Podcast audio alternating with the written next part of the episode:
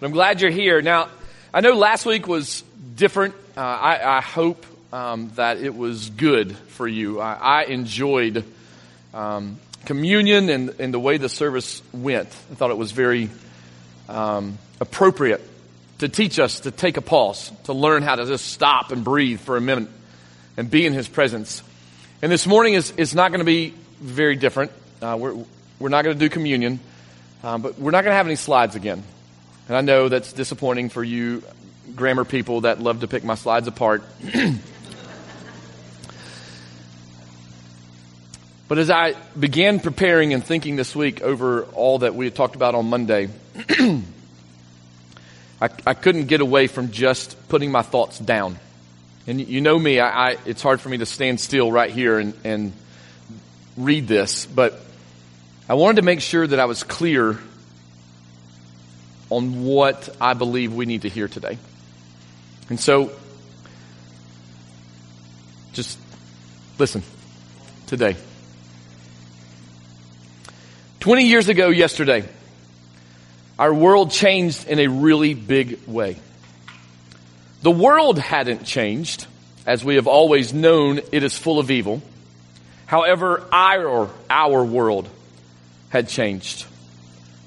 For once in our nation, we had been attacked on our soil in our own backyard, on the ground that we live on. The feeling of safety we all once had felt was now gone. Feeling safe to go wherever we wanted without worry or fear changed in an instant. The unknown was overwhelming and the silence from the lack of knowing was deafening. Everything had changed even though nothing had really changed. For us, everything had changed, but the reality of our existence simply resided in our national snow globe mindset, believing we were untouchable and how beautiful we were.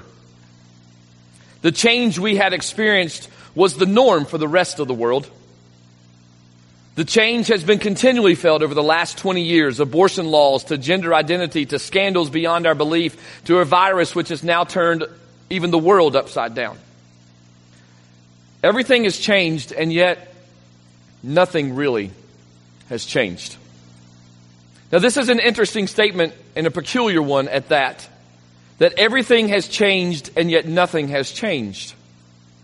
One must consider the meaning encoded within the statement itself. We all would agree the world around us is drastically different. And I love speaking with homegrown Delawareans, especially those who have lived in our local area and have witnessed the boom of Middletown's growth.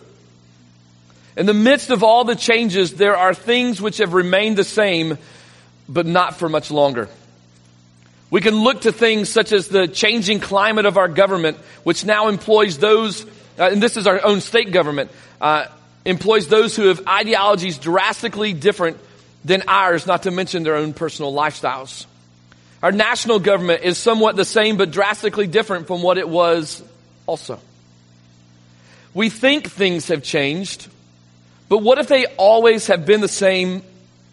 But because of our snow globe mentality, we have just paid attention to our own little personal world and not to the world or our nation as a whole. The world has seemingly changed, but really it is still the same. There are still evil people People who are selfish. Money has power and the little person doesn't matter. The change is this. No one's hiding it anymore and it's just that more blatant. 20 years ago, our snow globe was busted and none of us knew how to react. We were glued to the TVs, to any news source we could listen to. We relied on any information given, and for once, the news sources were all on the same page for at least a few days. Our country united.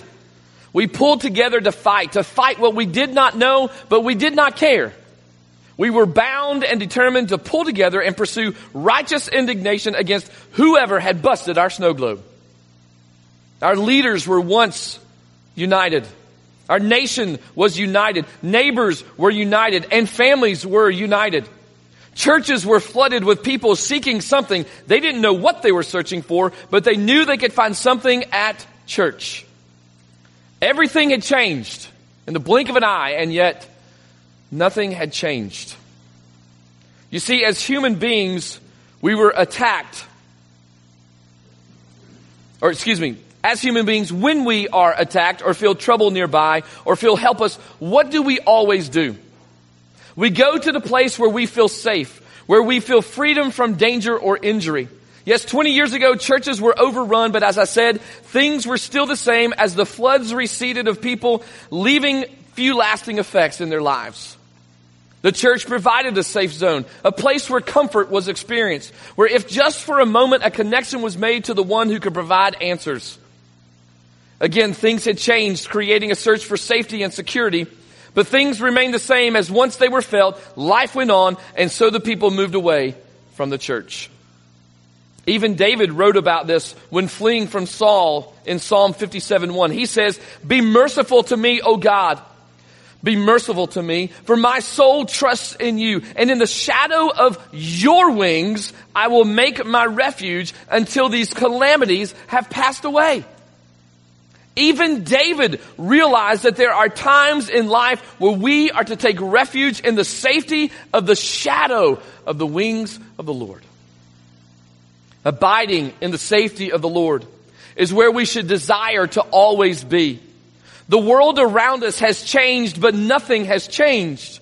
Our safety is not found in our government. Our safety is not found in whether we take a vaccine or not. Our safety is not found in whether we lose, change, or keep our jobs. Our safety is not determined by our rights afforded to us by the Constitution of the United States. The psalmist clarifies where our safety lies best in Psalm 91. He says, He who dwells in the secret place of the Most High shall abide under the shadow of the Almighty. I will say of the Lord, He is my refuge and my fortress, my God, in Him I will trust. Yes, the world around us has changed, but our safety has not. But it comes with a requirement. We must remain in Him. Solomon tells us in Proverbs chapter 1 verse 33, but whoever listens to men will dwell, or to me will dwell safely and will be secure without fear. For us to remain safe, we must listen to the Lord. Why have we forgotten that? We are listening to everything but Him. And let me tell you, there's a lot of stuff to listen to. Listening and following not only gives us safety, but it frees us from so many things. Now it may not free us from tyranny. It may not free us or keep us from civil war again. It may not keep us safe from the Taliban. But the safety of our souls is far more important, and this is what, not, is, is what has not changed. The world and the circumstances around us may change, and many already have, but God is still on the throne, still casting a shadow of safety for our minds and our hearts for those who listen to Him, lean on Him, and love Him. But then Solomon addresses fear. In Proverbs chapter 29 verse 25, he says, the fear of man brings a snare. The fear of man brings a snare. But whoever trusts in the Lord shall be safe. Last week we heard the words of Jesus teaching us to not fear what man can do to us, but to fear him who can deplete, uh, completely destroy us. In Paul's second letter to Timothy, he admonishes him with the following truth, a truth which applies to us as well. For God has not given us a spirit of fear. That's not from him. That spirit of fear that we all feel and comes over us from time to time is not of God. For God has not given us a spirit of fear, but of power and of love and of a sound mind. Those are from God. There's been so much fear created in our world because of change. Change in how we interact. Change in how we are to act. Change in how we are to react. Change in the simple acts which now are not so simple. And yet nothing has really changed. Our enemy, which walks about as a roaring lion seeking whom he may devour, is still roaming and is still seeking and is still devouring. The problem is he has become more blatant and more obnoxious in the way that he does it. He is hiding them less and attacking in all the crevices of our safety, hoping to create enough fear to deter us as believers from trusting in the one who will avenge all the evil of this world someday, maybe soon, maybe not. But we do not have to fear because as Paul shares in his letter to the believers in Rome, for you did not receive the spirit of bondage again to fear, but you received the spirit of adoption by whom we cry out, Abba, Father. If I can just pause just for a moment, I recognize and acknowledge that there is a lot out there to be fearful of. There's a lot. And I would be foolish to not admit that, to not acknowledge that. One, because I know you're sitting there thinking it. And it's things I think about. But folks, if we are going to claim the name of Christ and claim that we trust Him and are following Him, then we need to be living outside of the grave of bondage and start living as free people in Him, knowing that no man can destroy us because God will save us in the end. Now, many of you are thinking, well, they may kill me.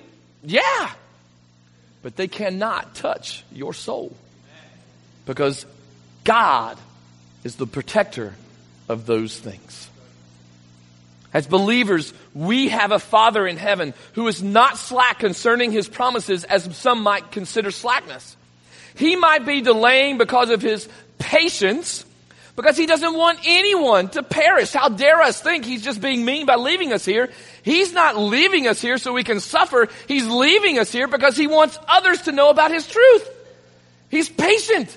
He's kind and he's long suffering towards those who need him most. The evil one would have us to think God isn't coming back. He doesn't care. How could God allow this or that? Simply trying to create fear. But let me tell you something about your father. From the beginning of time, he already knew. From the beginning of time, he saw the end. From the beginning of time, he had control and continues to maintain it. From the beginning of time, he knew you even when you were in your mother's womb. From the beginning of time, he had a plan.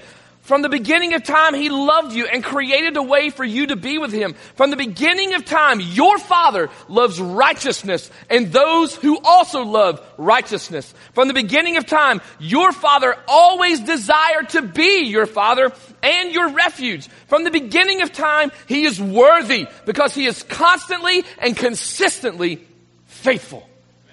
That is your Father.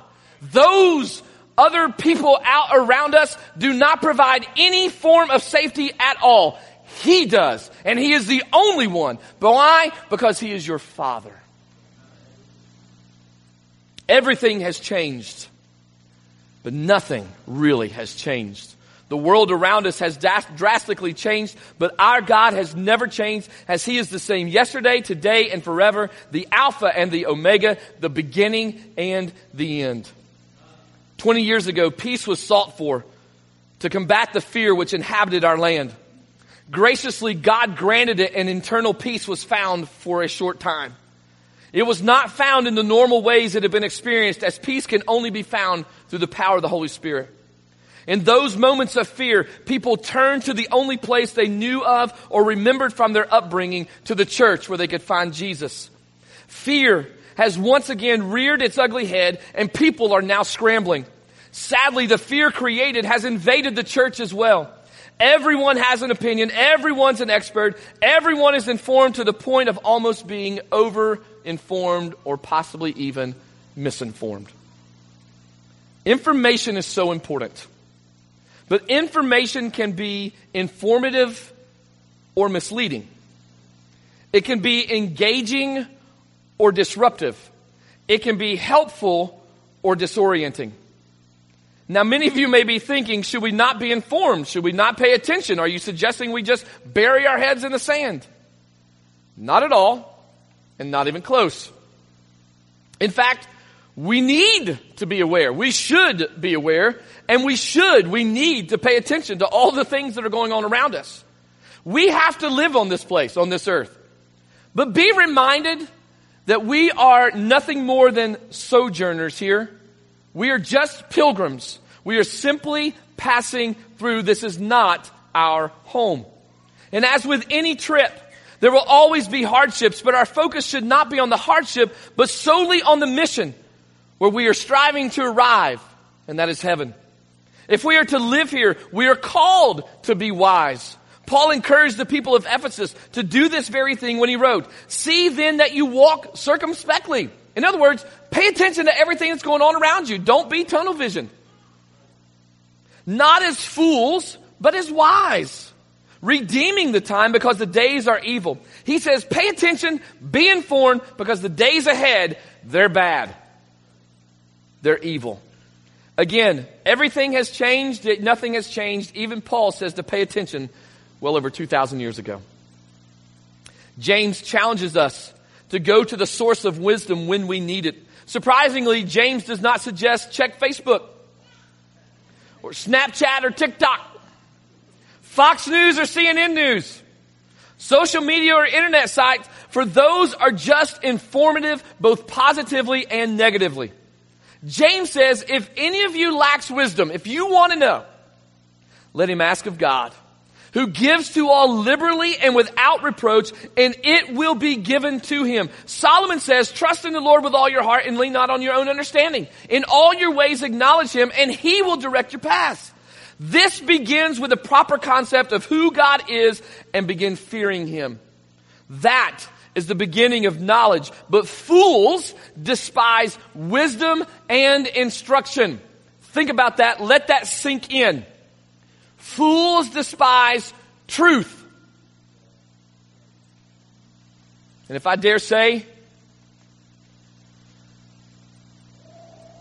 we are run by a bunch of people. Filter kicked in right there at the last second.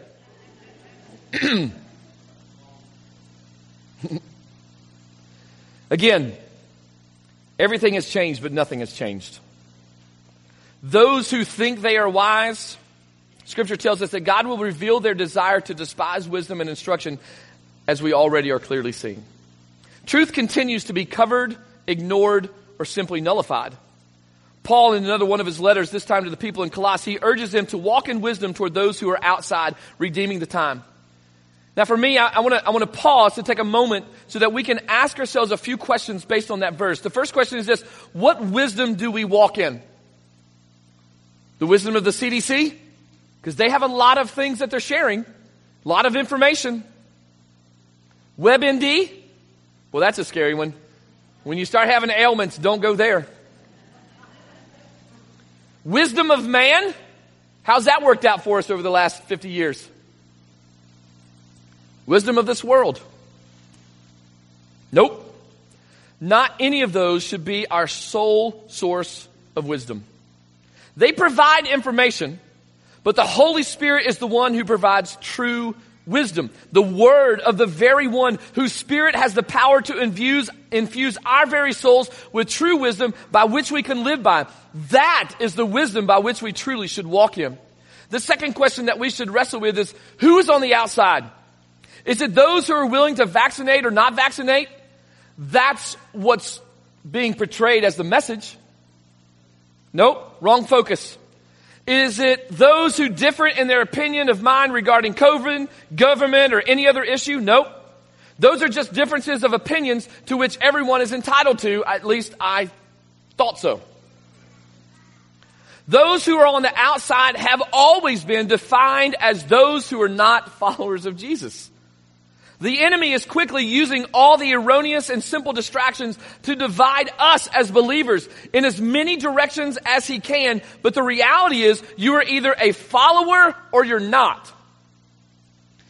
Churches need to step up and stop playing this game of allowing people to live however they want to live and start speaking truth to where we can know how we are supposed to live. We need to be all in or get out. That's so harsh, isn't it? But I don't care. I really don't care. If let me tell you something. Let me just pause here because this ain't in here. If we don't get out of that grave and get serious about the truth that we claim that we know and want to live by, you will be misguided going forward. If you don't know whom you serve, who he is, what he's about, who you are in him, the truth of his word, which absolutely can direct our paths when the different scenarios that are going to play out someday, maybe soon, if you don't know what to look for and how to react, you will miss it. And you will live misguided. And you will struggle. You will be miserable. And I don't want that under my care. I want you to be truth followers. If you hate me every Sunday because I'm stepping on your toes and punching you in the face with truth, I can live with that. But I hope you know that just as God is for you, so am I. I'm not against you. But I am not going to shy away from sharing truth that God lays on my heart, even if it means you may walk out of here furious and never come back. So be it. Because truth is what is most important. And then the relationship. I don't remember where I was, so I'll take a drink of water. You guys still with me? You don't have slides to keep your attention, so hopefully you're still with me. Third, Paul strongly encourages us for the second time to redeem the time. There is much talk, especially over the last two years, regarding the end times. Every believer should be aware of the changing landscape, especially in terms of the return of Christ. Even this, that subject alone, can be a source of contention among believers, even to the point of creating fear because of the things written in the revelation of Jesus Christ. But folks, these things ought not be so about us. Please let me gently and confidently state those who are following God by trusting in Jesus have zero reason to fear. Zero. But Alan, you don't understand. I may lose my job. Yep. I, I don't understand the full ramifications of what that may look like for your family, but I understand that you may lose your job. But you have no reason to fear. You have no reason to fear. But I may lose my house. Yeah, you might. But look around. You got a church full of people that will lovingly come alongside you, just as we did in the book of Acts. And we will figure it out. You may not live the way you used to live, and maybe that's really what we're scared of losing. The truth hasn't changed, and God is still on the throne, and He still will watch over His people.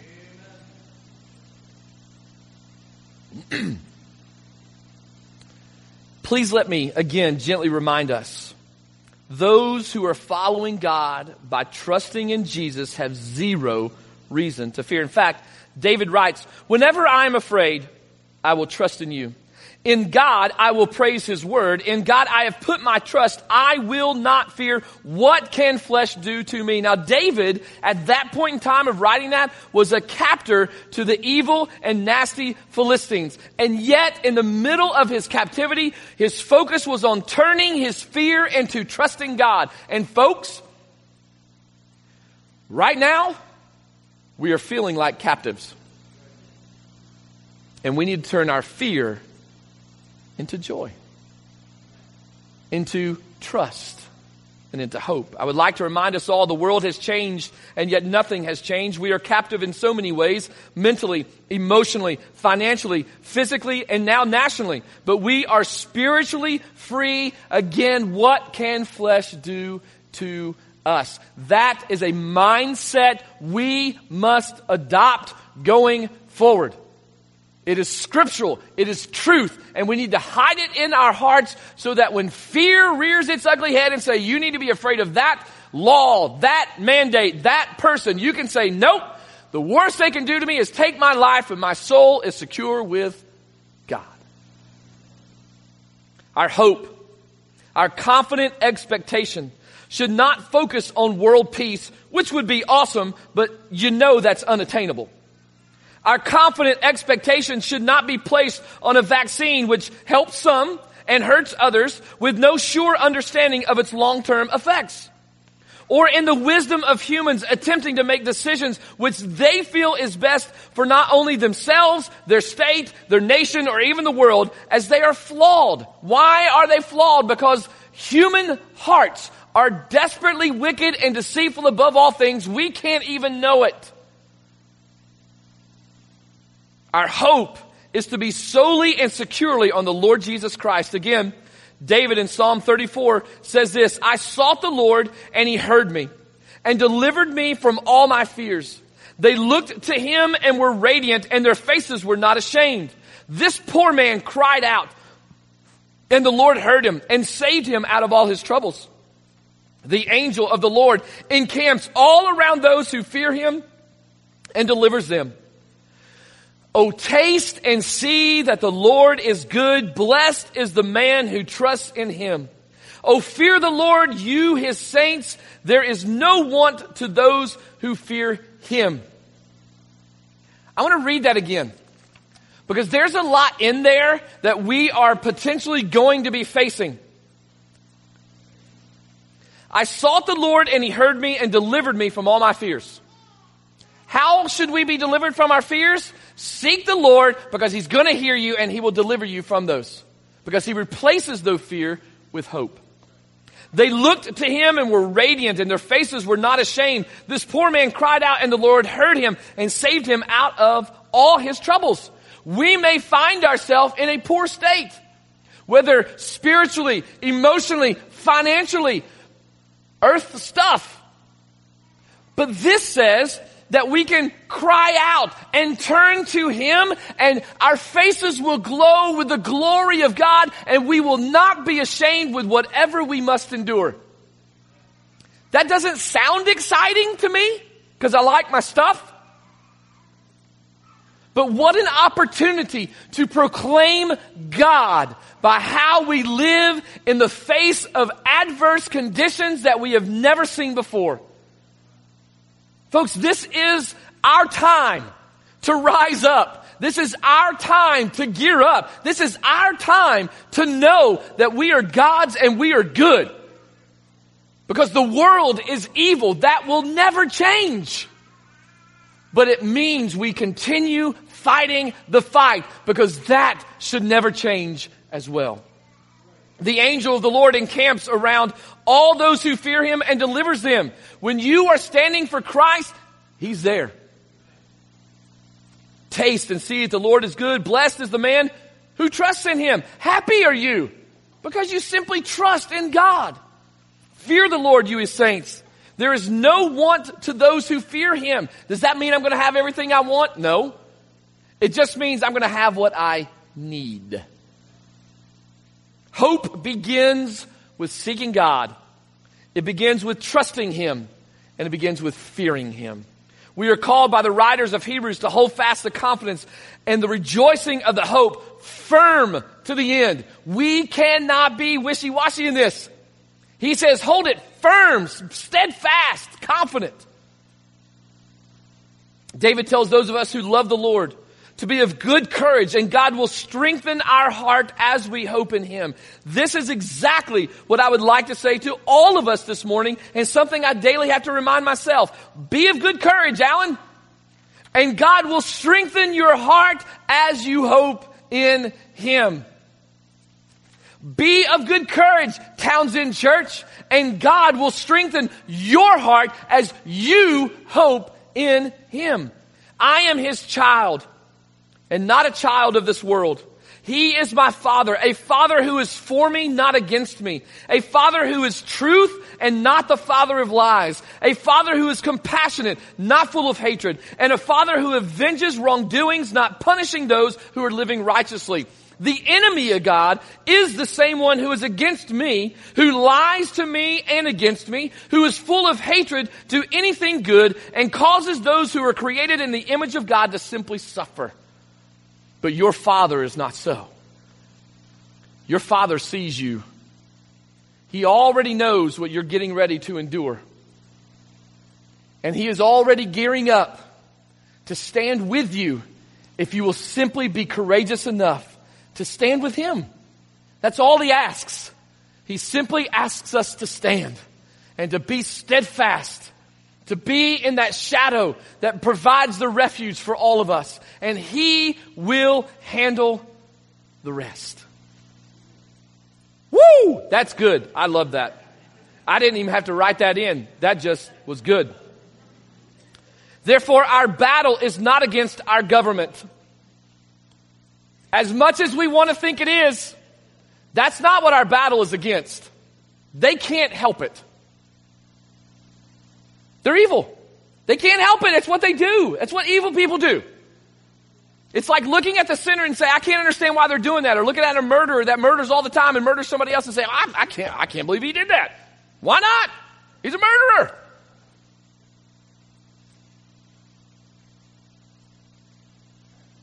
Therefore, our battle is not against our government. Our battle is not against the vaccine.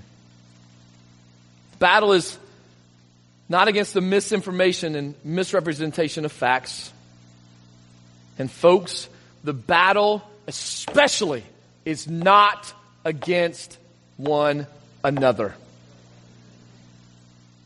This is what the enemy desires and the Lord detests. The enemy seeks division while the Lord seeks healthy, God honoring relationships. This battle is not against flesh and blood, but against principalities, against powers, against the rulers of the darkness of this age, against spiritual hosts of wickedness in the heavenly places. We keep hearing these verses over and over. And I feel like I have, I'm having to say the same things over and over, but sadly, the outside noise that surrounds us is beginning to cover up the voice of truth and reason within us. The power of darkness is slowly cracking the very foundation on which our freedom is built. But we need to be reminded that the sure foundation of Jesus Christ will never be cracked. Those areas in our lives which may be cracking may be areas that we have built up ourselves under our own wisdom and our own desires rather than under the leading of the Holy Spirit, nor on the foundation of truth. The Word of God is a sure foundation, and it will never be cracked. Nothing will prevail against it. And it is the unchanging representation of the faithfulness of our God. Therefore, we have no reason to fear what man will attempt to ask us to do, force us to do, or make us in their attempt to make us miserable till we finally cave is their hope. We must strive to filter all things through the truth of the word. As believers and followers of the word, we must fight with all our strength not the things which the world may suggest or push us to fight, but we must fight the urge to fear, for we are not called to fear, but to live and to love. We also must fight the urge to, to quarrel over things which matter, but not to the detriment of unity. Unity is the one thing that we have as believers which protects us from the world. Daniel was taken into captivity and asked to do things against his beliefs, but figured out a way to honor both God and his new master, to which God elevated him through that, high into the rankings of the very nation who opposed his kind. How did Daniel do that? Does it not sound familiar to us? He purposed in his heart to not defile himself. He purposed he decided before the decision was need to be made. He decided strongly, no matter what came his way, he was going to do what was right. Now you may be asking, is pastor telling me I should or shouldn't fight against all that is going on? Should I get it? Should I not get it? Because I know that's what you're thinking. And I know you're hoping I'm going to tell you. But here's my answer, and it's in the form of a question. I learned that from a friend. Have you sought the Lord about it through prayer, fasting, and His Word? Or have you just been too busy looking at all the information? We have heard already this morning we should not trust the wisdom of man, but the wisdom of God who gives it liberally. We don't have to make this decision out of fear, but can make it as informed followers of God with a clear conscience. We as the leadership of Townsend Church have always said, if you can confidently stand on your decision based on scripture, then God bless you for you are working out your salvation with fear and trembling. This is a, a, conversation we are regularly having as the information is constantly changing both good and bad. It's both true and false, and it's both enlightening and so irritating. Our concern is obviously, what does this all mean? Let me just say this. I do not believe the vaccine is the mark of the beast, as some may believe, and, that, and that's fine. But I believe there are a few other things which must take place first. However, and I want you to hear this, I would strongly contend that this forcing of the vaccine, I want to strongly contend that it may be a conditioning of sorts, meaning that they're going to start small and gradually increase their control. We as believers should be very careful as to how we love one another, treat each other of differing opinions, because our church is full of people with differing opinions. People that feel strongly you should get vaccinated, people you feel strongly that you should not get vaccinated, people that are already vaccinated and people that haven't got vaccinated. This should not be the place of divisiveness. Your decision is your decision. And if you can support it and stand strong in it in the Lord and you've prayed about it, God bless you. I love you. But don't mistreat me if I decide something different than you. I haven't mistreated you because we kept the chandeliers.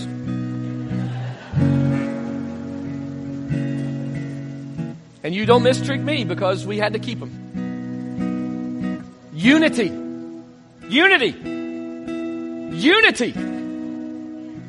This is of utmost importance for us as a church moving forward. Some of you have already decided uh, to receive the shot, and some of you are adamant in your refusal. Some are facing major decisions about your jobs. For the sake of unity, can we simply remain humble before a holy God and recognize these few things? This is tough for all of us. Amen? This is difficult. This is hard. None of us have ever faced anything like this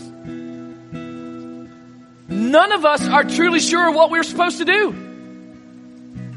A little grace from each of us to each other can go a long way with decisions that people are having to make. Love. Love. Above all else. We are not governed by our government, even though we live in this great country, the United States of America.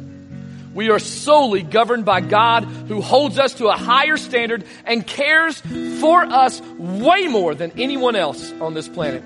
Be careful as to the filter that we are using for our input and for our output. The input filter should be through the filter of scripture and our output should be through the fruit of the spirit, love, which, by the way, produces joy, peace, patience, kindness, goodness, faithfulness, gentleness, and self-control. Those should be named among believers, not divisiveness and bickering and quarreling over differences of opinion. Listen, you want to change your world? You want to change your home? You want to change your nation? You want to change your city? You want to change your block? You learn how to love, not be right not have all the information. You learn how to love and listen to people and lovingly come alongside them and show them the fruit of the Spirit, which begins with love. That, that is what I want our church to be known for.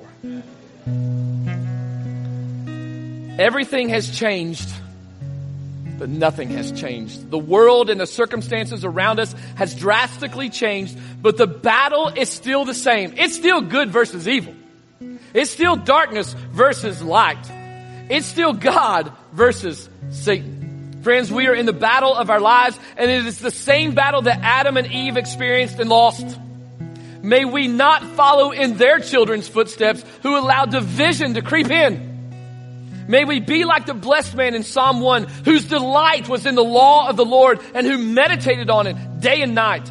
In the words of the disciple Peter, therefore gird up the loins of your mind, be sober, rest your hope fully upon the grace that is to be brought to you at the revelation of Jesus Christ. Let, let's get geared up as the fight is truly heating up. Sober up, meaning clear your head and fill it with truth. Then rest in the hope which we have in Christ and nothing else.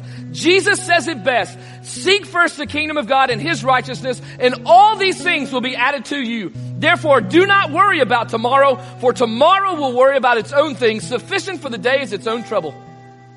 As I was cleaning my car yesterday, first time since January, and just being in my own headspace, God landed a song on my mind that fits perfectly with this. In 1987, REM, I just dated myself, produced a song, and the title is, is in its chorus. And that is what came to my mind. And this is how the chorus ends. it's the end of the world as we know it. And I feel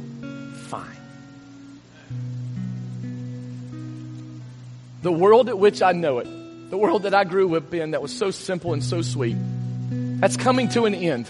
And I really can't do a lot about it. But folks, when I stand before you and say, I feel fine, I can't say that any more emphatically or emotionally. I feel fine. Am I a little nervous, a little anxious, a little apprehensive about the shot and what's coming next and what our government's going to do and how they're going to possibly, maybe, who knows, shut us down again. Sure, it's on my mind all the time. I worry about you. I worry about your families. I worry about the decisions that you have to make. I carry that worry. But I'm telling you right now, it's the end of the world as we know it, but you can feel fine today. I feel fine. I feel good inside. Do you know why? Because I have the joy of the Lord. They can't steal that from me. They can make it difficult on me, but they can't take that from me. My soul is safe in the, the hands of God. They can't touch that. And so that makes me feel fine.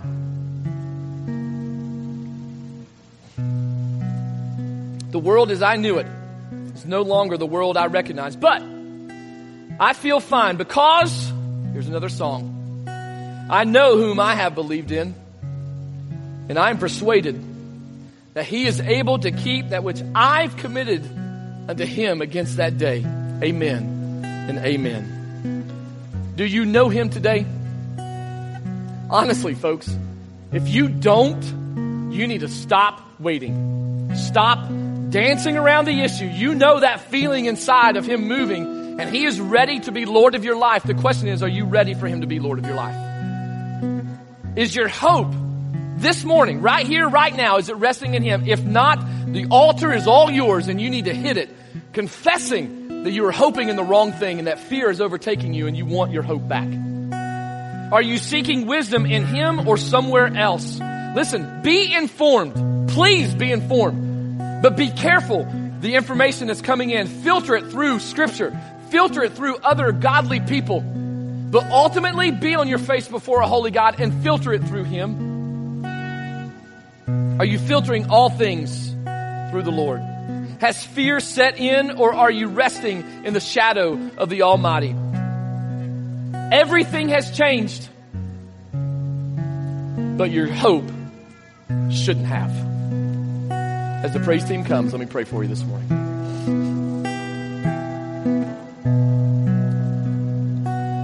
Oh God, we are in a fight.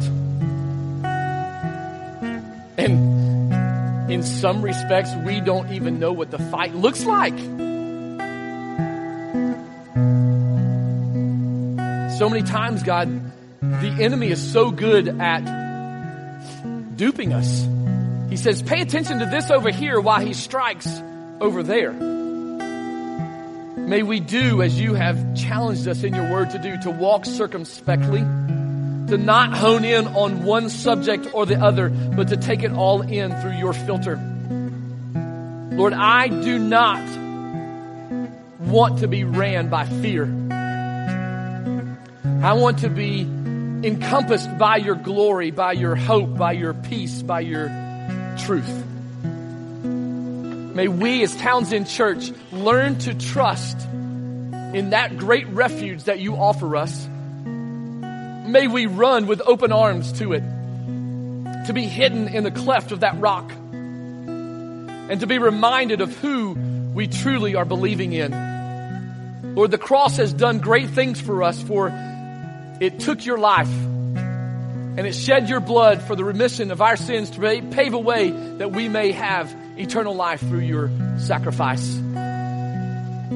May we be reminded of whose we are today and to be okay with the fact that everything has changed, but to know that in the grand scheme of things and spiritually, nothing, nothing has changed. The world is still evil and you are still on the throne. Even so, Lord, come quickly. Move within hearts, give them the courage to move and do what they need to do in Jesus' name.